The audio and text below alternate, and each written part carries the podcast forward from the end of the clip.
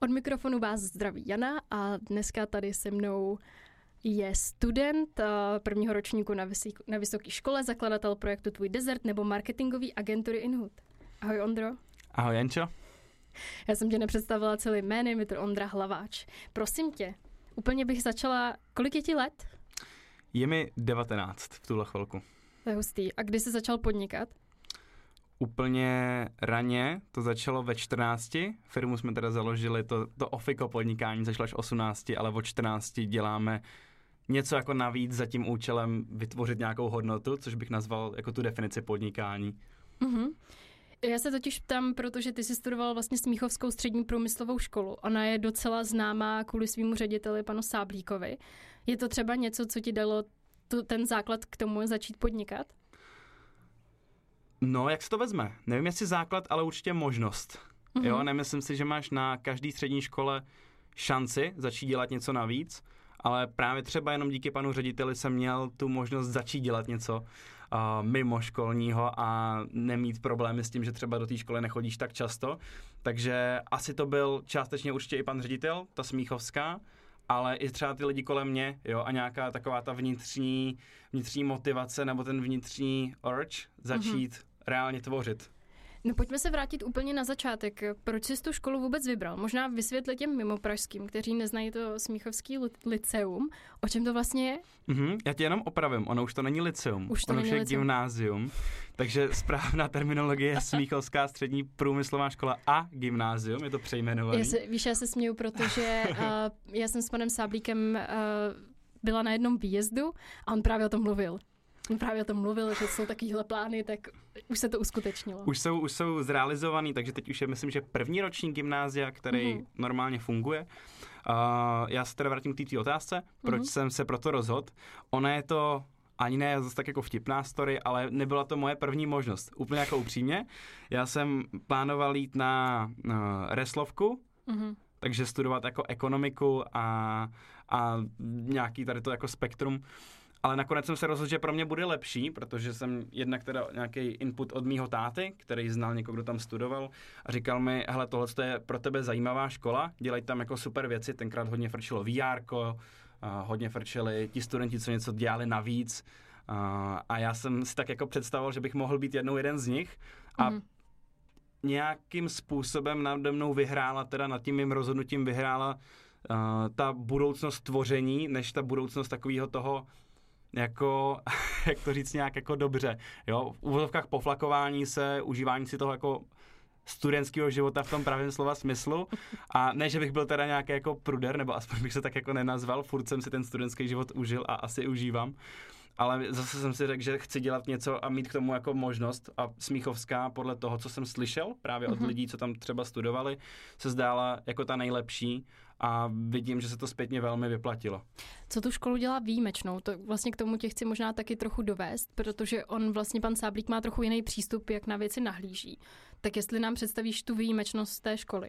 Mm-hmm. Já začnu třeba od samotných učitelů. Jo? Mhm. Nemůže být škola bez učitelů ani bez studentů, ale ti učitelé jsou často třeba absolventi té samotné školy, nebo i třeba jako jiné, ale ten to hlavní plus, co tam vidím, je, že oni mají náhled do té praxe.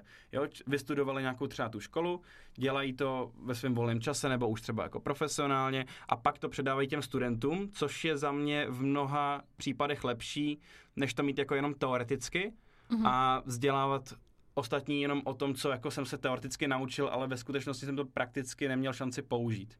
Takže to je jedno z těch jako plus a to, co jí dělá výjimečnou.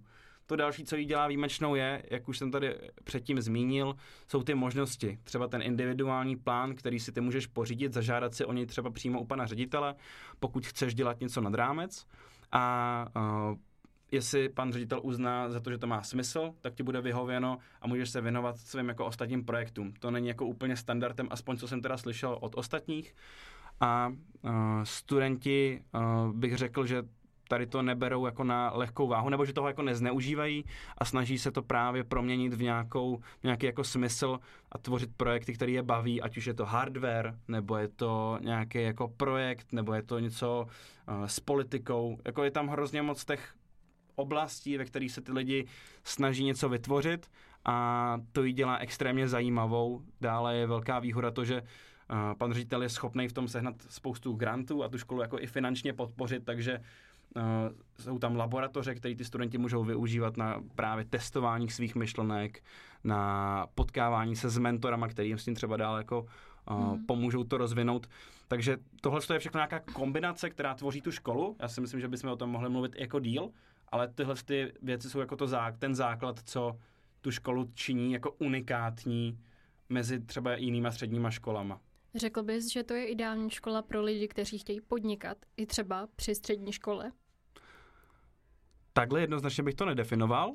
Myslím, že je to škola, u který můžeš podnikat, mm-hmm. ale uh, myslím, že znám třeba víc podnikatelů, co studuje jako Gimple, jako při střední, jo? nebo lidí, co jako uh, vyloženě říkají, že já chci podnikat, tak třeba studují toho Gimple Myslím, že to jde, ale ne, neviděl bych to jako tu hlavní motivaci, motivaci proč jít na Smíchovskou střední. No, já to říkám hlavně proto, že ti vyhověli s tím individuálním plánem, pokud si to správně pamatuju, a to opravdu není obvyklý. Většina se totiž studentům moc nedůvěřuje, ty plány se jim nedávají. Možná proto se ptám, jestli třeba díky i té podpoře pana ředitele, by to bylo vlastně jako ideální, protože třeba si můžeš být jistější, že dostaneš ten individuální plán. Mm-hmm. Jo, v tomhle, tom, v tomhle tom asi jo. Není jako dobrý tam přijít s tím, že hele, dostanu individuální plán, budu moct dělat, co se mi zachce a na školu můžu kašlat. Je důležité tu školu furt jako držet v, nějakým, mm-hmm. nějaký jako rovině, ale uh, můžeš se spolehnout na to, že pokud chceš něco tvořit a chceš do toho investovat energii a nemít to jako, že radši nemít to jako tu záminku, proč nechodit do školy, tak ti bude velmi pravděpodobně vyhověno. Jo, já jsem třeba začal tím, že eh, v prváku jsem se snažil zapojit do té infrastruktury té školy, jak funguje. Mm-hmm. Podařilo se mi stát předsedu studentské rady a po nějakých teda jako konverzacích a networkingu a potom, co jsem se stal předsedou studentské rady, tak jsem měl tu možnost třeba ty projekty i sám koordinovat. Dostával jsem spoustu e-mailů, pan ředitel vždycky rád posílal několik, několik denně, jo, přes své jako pár desítek jich bylo. A některé ty projekty byly dost zajímavé a já jsem si je mohl vzít pod svá křídla a jako tvořit je. To třeba byl jako podklad pro ten individuální plán. Zároveň už mě napadly vzadu nějaké myšlenky, které mi teda těžce selhaly, ale začal jsem je rozvíjet a naučil jsem se na tom strašně moc věcí. Jo, takže hmm myslím, že jde to podnikat při střední škole a na Smíchovský taky. Jakou si z toho nejvle, vlastně nej, jako nejlepší hodnotu odnášíš? Co prostě je to, co si odnášíš z té školy celkově? Jaký jako vibe to mělo? Mm, já možná řeknu, jaký skill si jakoby odnáším z, Můžeš to pojmout, jak z té smíchovský, tak je to nějaká zodpovědnost, kterou jsem se naučil jako the hard way, Mm-hmm. Jo, uh, měl, jsem, měl jsem pár projektů na starost, které třeba nevyšly úplně dobře. Často to bylo kvůli tomu, kvůli nějaký buď to jako nezodpovědnosti, nebo můžeš říct, jo, můžeš hledat ten důvod, jako že někdo neudělal to, co měl a můžeš svalit tu vinu na něj, ale ve skutečnosti to je jakoby na tebe, pokud je ten člověk v tvým týmu, ty ho koordinuješ. A naučil jsem se jako zkusit co nejvíc nehledat tu vinu u ostatních, když se něco pokazí a hledat ji nejdřív jako u sebe, nebo to, jak jsem tomu já mohl třeba předejít. To by myslím, že jako je takový, no nevím, jestli to nazvat skillem, ale je to taková informace do života, která ti strašně pomůže potom nejen na vejšce, mm-hmm. ale i jako v práci, tak nesnažit se hledat vždycky třeba tu vinu, když se něco nedaří u někoho jiného a snažit se jí hledat nejdřív jako u sebe, jestli nemohlo být něco z mé strany trošku jako jinak. No to, co říkáš, tak to zní jako, že to chce i hodně sebereflexe a takový jako mm-hmm. udržení se. Já jsem se tě úplně ze začátku ptala, jestli ta smíchovská škola bylo to, co ti dalo základy do toho podnikání. Ty jsi říkal, že částečně, ale co to teda bylo? Kde jsi se dovzdělal, kde jsi se stal tím aktivním studentem, kde jsi k tomu načuchnul? Na konferencích. Strašně moc konferencí. Asi musím poděkovat Eventbrightu. Aha. Ten jsem si stáhnul někdy hned jako v prváku a začal jsem chodit na všechny konference, které měly co dočinění s snad jako všema technologickými a netechnologickými oblastmi. oblastma, oblastmi. Uh-huh. Uh, a začal jsem se potkávat s těmi lidmi, co už jsou úspěšnější než já Jo, já, to je asi jako takový to doporučení, ten networking, já se o tom snažím všude, všude ho takhle jako evangelizovat, že fakt jako networkovat při každý možný příležitosti s kýmkoliv, mm-hmm. protože ty lidi, ti, ti, ti lidé, co už něco dokázali, mají často aspoň jako něco, nějaký Uh, nějaký insight, který je dobrý si třeba vzít k sobě a aplikovat ho nebo implementovat ho do toho, co děláte aktuálně. Uh, takže nejvíc jsem se naučil, co se týče nějakého podnikání a toho myšlení na konferencích, potom ze svých chyb, který se opakovaly a konzultoval jsem to s dalšíma lidma, kterým mi řekli, hele, tohle to není úplně OK, co jste dělali, jo, tohle to je třeba jako super. Takhle jsem zjistil, že není dobrý podceňovat validaci, když nějaký projekt vznikne. Dřív jsme se snažili všechno, úplně na začátku, jsme se snažili vždycky vyvinout ten prototyp, vyvinout aplikaci, hned to vydat na trh. No a pak jsme zjistili, že to vlastně nikdo nechce. jo, takhle jsme, to je zajímavá story, a to jenom tak jako nechci moc odbočit. Pohodě. Uh, vyvíjeli jsme takový chytrý adaptér, který měl sloužit k propojení jako chytrý domácnosti, jo, že když ráno vstaneš, zapne ti kávovár, do toho ti třeba zapne televizi a takovýhle jako blbosti. Jo. A my jsme fakt to dotáhli do takové úrovně, že jsme měli na 3D tiskárně vytisklý adaptér, měli jsme hotový vnitřek, malou jednoduchou aplikaci, která to tvořila, a pak jsme zjistili, po tomhle tom všem jsme zjistili, že sériová výroba tady toho by nás stála asi 300 tisíc na jako první, první dva měsíce a že o to vlastně ani není takový zájem a že už na tom trhu jsou alternativy, sice ne stejný, ale alternativy, které je možný použít, ale v nic. Jo? A my jsme teď mohli sedět v ruce, sedět na židli s, s prototypem v ruce a, a to bylo tak jako všechno.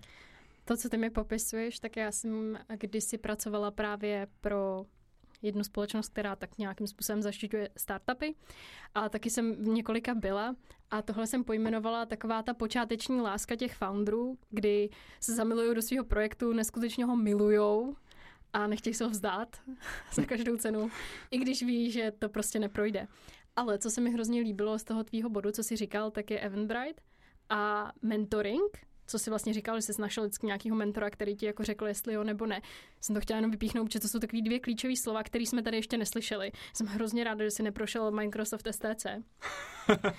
A tohle, ne, tohle to už je jenom jako inside joke pro všechny, kteří poslouchají podcasty, protože vždycky jsme tady nakonec k tomu došli. Co jsi založil jako první? Co byl teda ten tvůj první projekt? Já teda jsem na LinkedInu našla, že to mělo něco co dočinění s uh, event managementem, jako to se asi dělal pro někoho, předpokládám. Mm-hmm. Ale jak jsi se k tomu potom dostal k salesu, zakládání a tak? Jo, to nebyl můj projekt, ale přesně byla to první moje pracovní zkušenost. Mm-hmm. Nebyla to taková ta, ta škola, co vznikla čistě jenom ze školy, sice to mělo jako nějaký, nějaký vazby, ale uh, já jsem vždycky uměl dobře mluvit. Jo, už od malička jsem byl ten, co chodil do té ředitele za kamarády řešit průsery.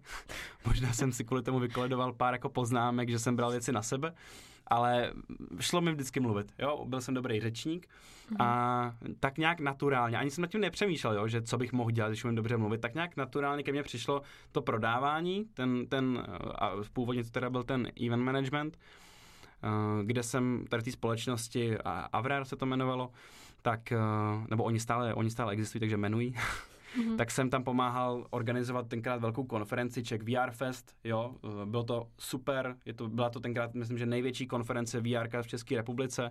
Já jsem měl na starost uh, ty, uh, vý, ty výstavy, ty konkrétní expa těch jednotlivých mm-hmm. firm, co tam byly. A samozřejmě, že tam byly zase nějaké jako fuck upy, jo, ale měl jsem na starost nějaký tým. A to je zajímavý, jak jsem se teda k tomu dostal. Já, no jsem, já jsem přes právě kolegu ze Smíchovský, eh, který vím, že tam už dělal nějakého jako ředitele eventového, eh, tak jsem se tam, jo, chtěl jsem někdy jako začít a přišel jsem za ním s tím, že hele, já bych vám mohl pomáhat, mohl bych vám organizovat ty eventy. Oni jezdili jako po středních školách a různě se tam organizovalo. A já jsem si, já jsem tenkrát měl takový jako koule na to, přijít za ním a říct, hele, já nechci být jenom jako normální brigádník a pracovat u vás na nějaké jako za, za nějakou stovku na hodinu nebo něco takového. Já tady přivedu tým a budu ty akce za vás jako řešit.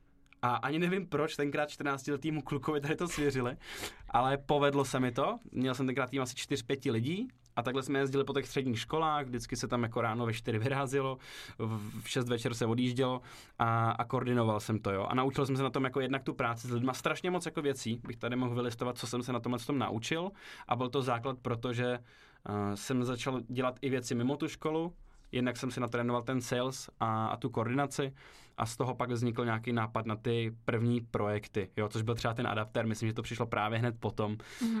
uh, který samozřejmě jako failnul. Teď se můžeme, asi se vrátíme úplně na začátek, ale ty máš nějaký dobrý base jako v rodině?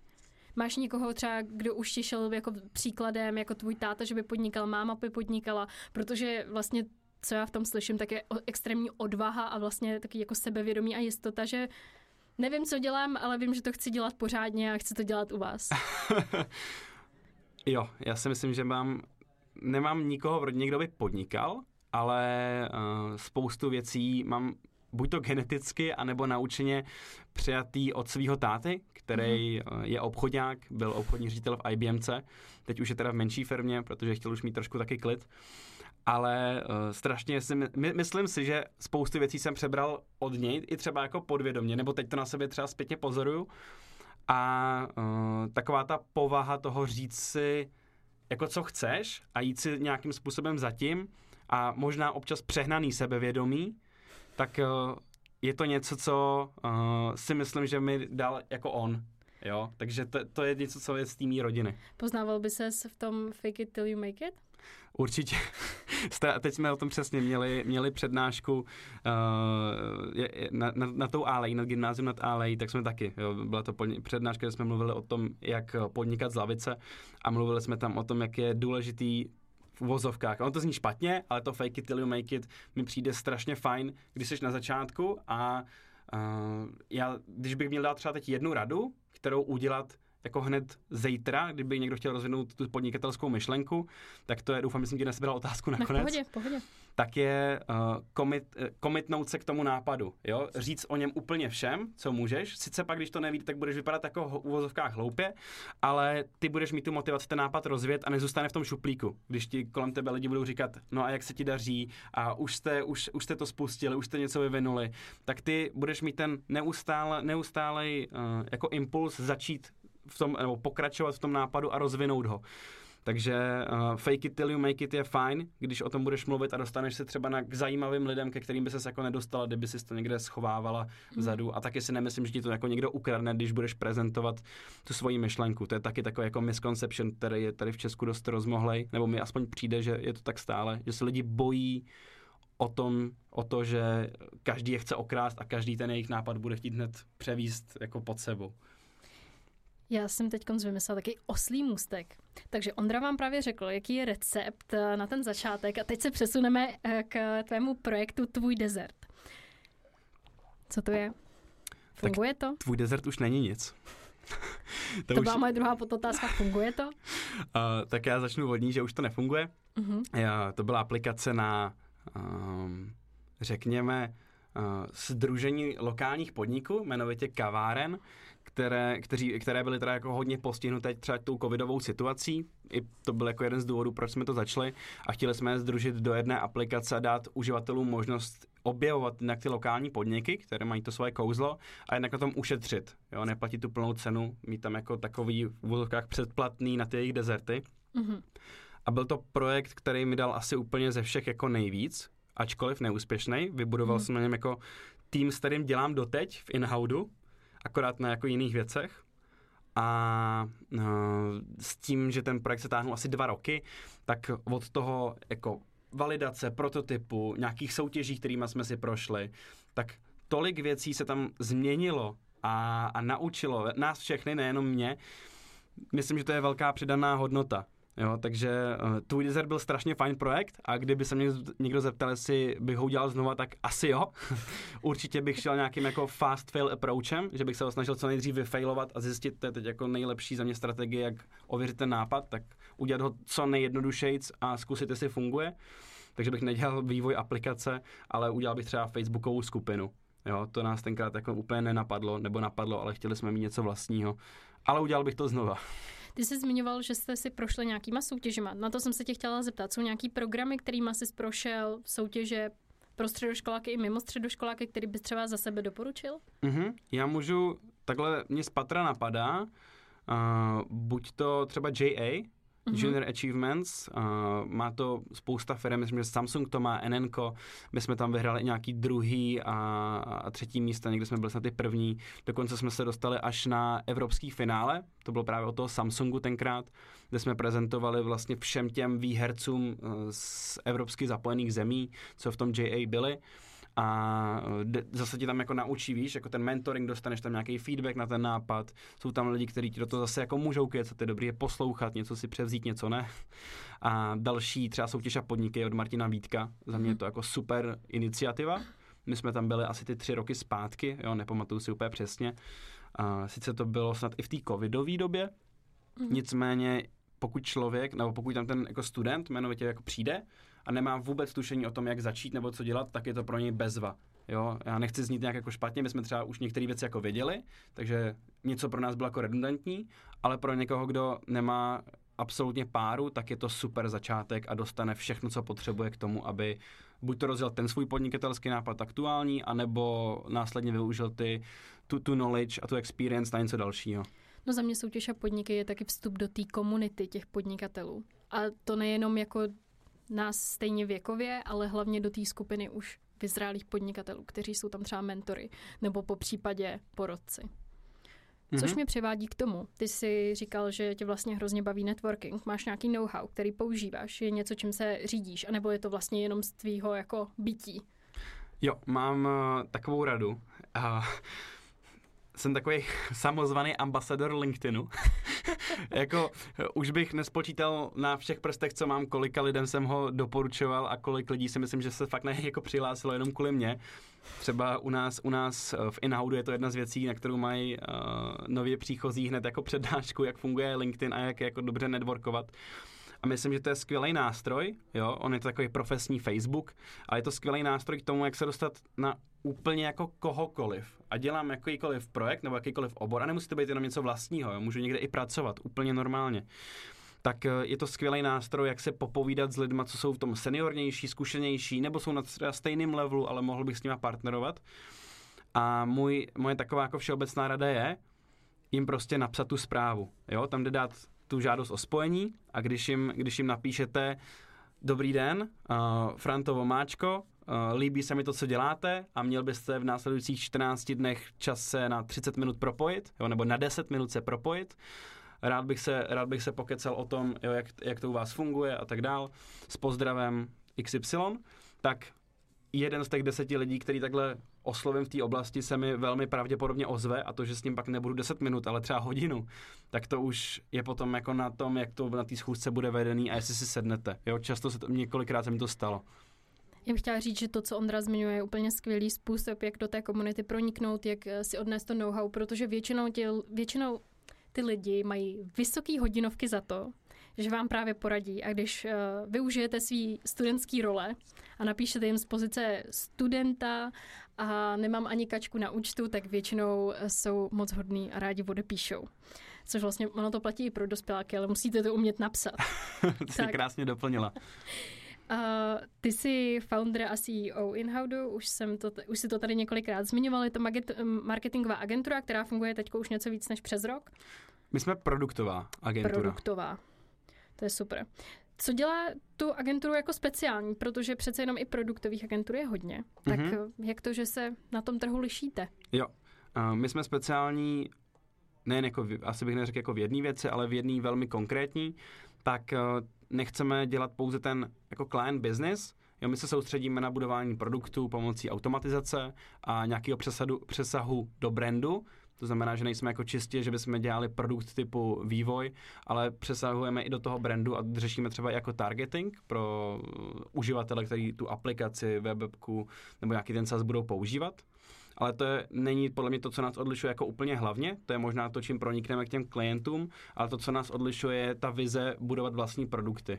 Jo, my jsme to zakládali s tím, to nebylo něco, co vzniklo jako v procesu, ale zakládali jsme to s tím, že ty klienty a ty peníze, které ta firma bude vydělávat, investujeme vždycky zpátky a tvoříme tím jako něco, co dává smysl, protože budeme mít tu možnost a nemusíme brát investora někde z, jako z okolí a budeme si bootstrapovat ty naše vlastní solutions. Jo, začali jsme třeba na jednoduchých, na jednoduchých uh, toolkách pro uh, Maca, vydali jsme aplikaci na rychlej, rychlý přístupy k linkům, hypertextovým jako odkazům. Je to taková jako Mac OS mini aplikace, není ani monetizovaná, je to přesně jako ten stranda, takový ten symbol toho, že chceme něco jako dělat do budoucna a třeba teď v současnosti pracujeme na řešení, jak automatizovat pomocí AI jako copywriting a osobní značky. Takže to je nějaká ta jako vertikála, která bych řekl, že nás hodně odlišuje od spousta normálních firm.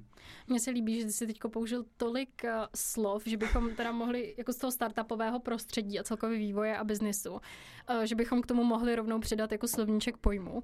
Ale zkusil bys studentům, kteří prostě vůbec netuší, co to je nějaká produktová prostě agentura. Co vlastně jako děláte? Ty jsi říkal, že ještě máte přesah do brandu. Mm-hmm. O čem to vůbec je?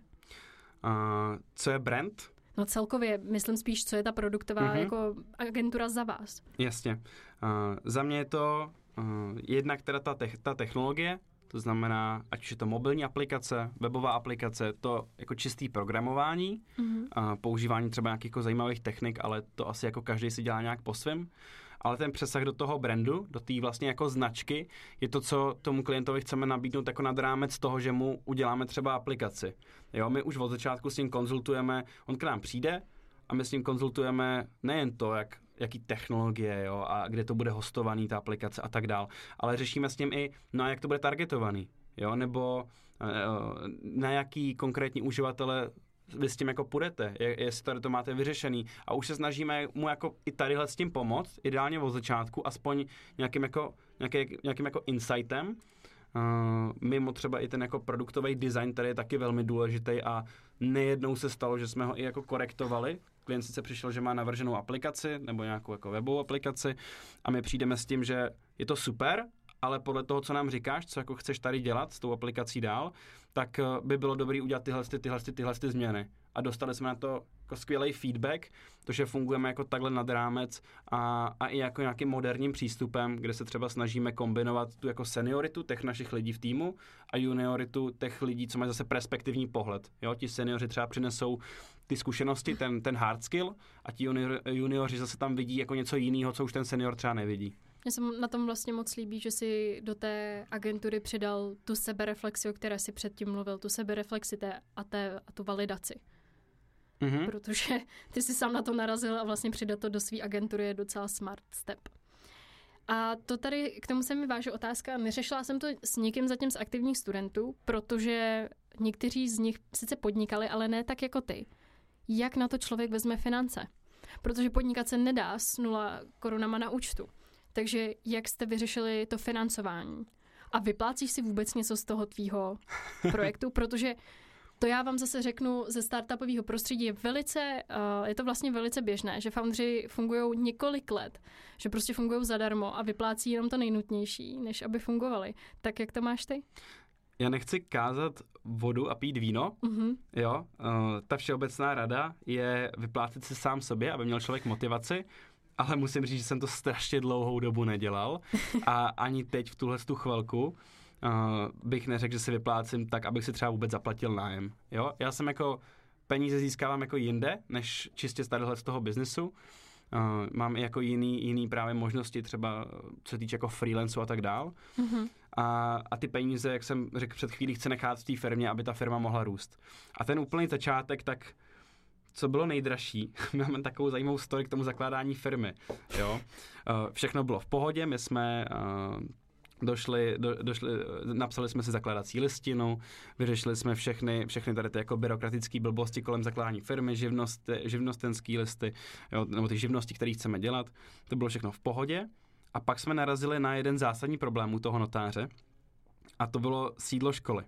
Jo, my jsme totiž chtěli mít tu firmu na půdě Smíchovské střední průmyslové školy, ani už si vlastně nespomínám, proč to byl racionální krok tenkrát, ale uh, asi to byla tenkrát nějaká jako kredibilita. A mm-hmm. to není tak jako jednoduchý tam napsat ta preslova, ale musí člověk dojít za panem ředitelem, tam se musí podepsat, ten musí vzít uh, osvědčení o tom, že je ředitel, nějakou zakládací listinu školy, s tím se musí na poštu udělat notářské ověření. My jsme tenkrát ještě špatně napsali to, to, to, to, to sídlo té firmy, takže jsme tam museli jít s ním dvakrát, nevypadalo úplně nadšeně, když jsme tam šli po druhý během dne. Uh, ta paní na tom, na tom nějakou nás taky už neměla ráda, ani ten notář.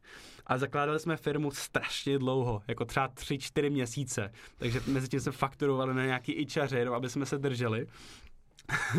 to, to, to bylo neúplně jako strategický, ale co se týče financí na začátku, tak zrovna v tom, co děláme my, co se týče ten produktový biznis a budování jako eh, těch produktů a, a značek, tak není takový problém, protože získat tu zakázku první tak uh, jakmile člověk má, dostane zaplaceno, tak může vyplácet. Jo? U těch startupů je to trošku jiný.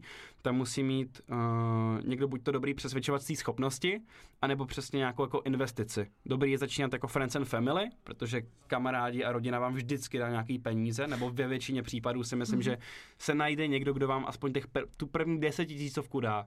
A když se seženete nějaký jako fajn studenta, který třeba umí technologie nebo umí dobře brand, eh, marketing a dáte mu těch 10 tisíc nebo těch pár tisícovek, tak to s váma půjde dělat. Jo? V našem případě to vždycky bylo tak, že jsme ten tým měli a dělali jsme to všichni, buď to nějakým jako v podílu, který se stejně pak 40krát změní, než se to jako finalizuje a není dobrý horší na začátku, jsem se poučil takhle teda aspoň.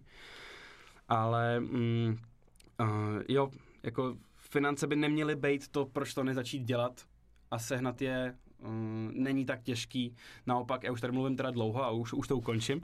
tak uh, my, když jsme budovali, my, když jsme budovali nějaké naše minulé projekty, zmíním třeba Codex Sample, jo, což bylo, a myslím, že by jako mohl být, kdyby, jsme nám, kdyby nám tenkrát bylo víc a byli jsme víc zkušenější, tak mohl být skvělý projekt. Bylo to, byl to vlastně jako řekněme software pro banky, jako obrovské banky typu Komerčka, ČSOB, který měl zjednodušit komunikaci mezi zákazníkem a tou bankou, jako fakt jednodušit pomocí taky jako částečný, částečný jako machine learningu, umělé inteligence, strojový učení a e, my jsme se dostali na nějakého krajského ředitele komerční banky, jo, na e, obchodního ředitele Koniky Minolty, v ČSOBčku jsme byli fakt jako hluboko někde. A tam jsme zjistili, a jak jsme o tom projektu mluvili s investorama, furt jsme se ho snažili všude pušovat, tak jsme zjistili, že nám všichni vlastně chtějí dávat hrozně moc peněz. Jako bez srandy nás kontaktovali investoři každý měsíc aspoň dva a chtěli nám narvat prachy.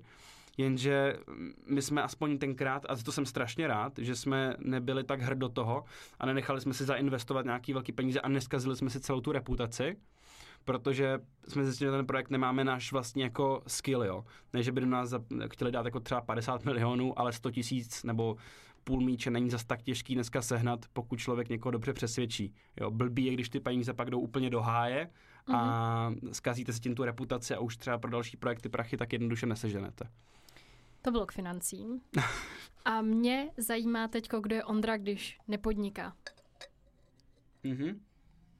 Tak Ondra, když nepodniká, tak uh, už do fitka teda nechodím. Dřív jsem hodně chodil do fitka.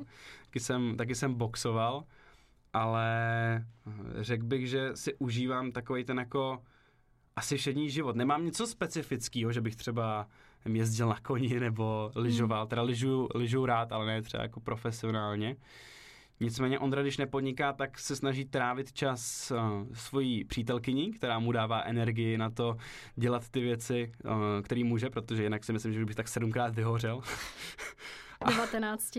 A v 19.